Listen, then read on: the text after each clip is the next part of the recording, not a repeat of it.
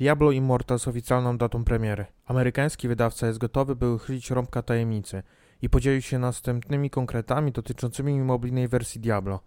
Czy podczas najnowszej transmisji poznamy w końcu termin debiutu gry? Zapowiedź Diablo Immortal w 2018 roku nie należała do najbardziej udanych momentów dla entuzjastów IP Blizzarda. Choć ogłoszenie nie spotkało się z zamierzoną radością, deweloperzy z Not Easy konsekwentnie pracują nad rozwojem pozycji. Od zeszłego roku intensywnie testując wszelkie aspekty rozgrywki. W miniony piątek Blizzard zaprosił społeczność graczy na specjalny pokaz. Już dzisiaj, 25 kwietnia o godzinie 13.15 wystartuje transmisja poświęcona mobilnej wersji Diablo.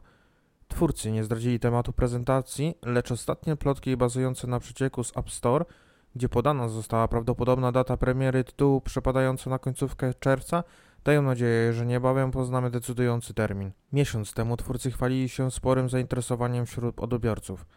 Pozycja, w której śmiałkowie, podobnie jak w przypadku wcześniejszych, pełnoprawnych odsłon będą zabijać czyhających wrogów, zdobywać przedmioty i rozwijać bohatera. Posiada już ponad 30 milionów zarejestrowanych użytkowników. Czy zatem to dobry moment, by w końcu przekazać nieco więcej konkretów na temat pojawienia się gry na rynku? Jak najbardziej. Uncharted Legacy of Thieves Collection ma datę premiery na PC. Epic Games ujawnił, że Uncharted Legacy of Thieves Collection w wersji PC ukaże się 20 czerwca obecnego roku. Dotychczas nie znaliśmy oficjalnej daty, choć w bazie danych Steama znaleziono 15 lipca. Możliwe więc, że oba terminy są poprawne, lecz sklep Epic posiada jakąś formę krótkiej wyłączności na tytuł. Na konkrety ze sklepu Valve należy jednak poczekać. Nie znamy także cen, lecz na PlayStation 5 pakiet kosztuje obecnie 219 zł. Uncharted, kolekcja Dziedzictwo Złodziei, jak brzmi polski tytuł, obejmuje odświeżone wersje czwartej odsłony cyklu i samodzielnego dodatku Zaginione Dziedzictwo.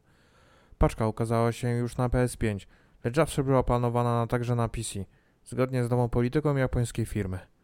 W Uncharted 4 sami Drake wyruszają do Libertalii w poszukiwaniu skarby kapitana Henry'ego Avarego. Zaginione dziedzictwo to już przygoda duetu Chloe, Fraser i Nadine Ross w Indiach. Vampire The Masquerade Bloodhunt gotowe do premiery na PS5 i PC. Do premiery The Vampire Masquerade Bloodhunt zostały już tylko ostatnie dni.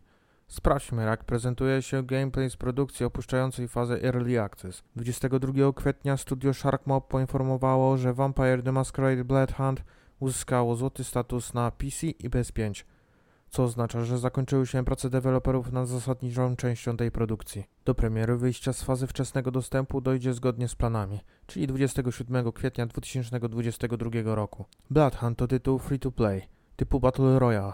W grze przeprowadzimy starcia między klonami wampirów w Pradze. Walki prowadzimy nie tylko konwencjonalną bronią, ale przede wszystkim przy udziale różnych supermocy. Gra opuści w pierwszej kolejności wczesny dostęp na PC oraz PS5. Nie wiemy jeszcze, czy tytuł pojawi się również na Xbox Series X i S. Ja Wam dziękuję za uwagę i zapraszam do oglądania innych moich materiałów. W opisie umieszczam linki do artykułów, z których powstał ten materiał. Dziękuję.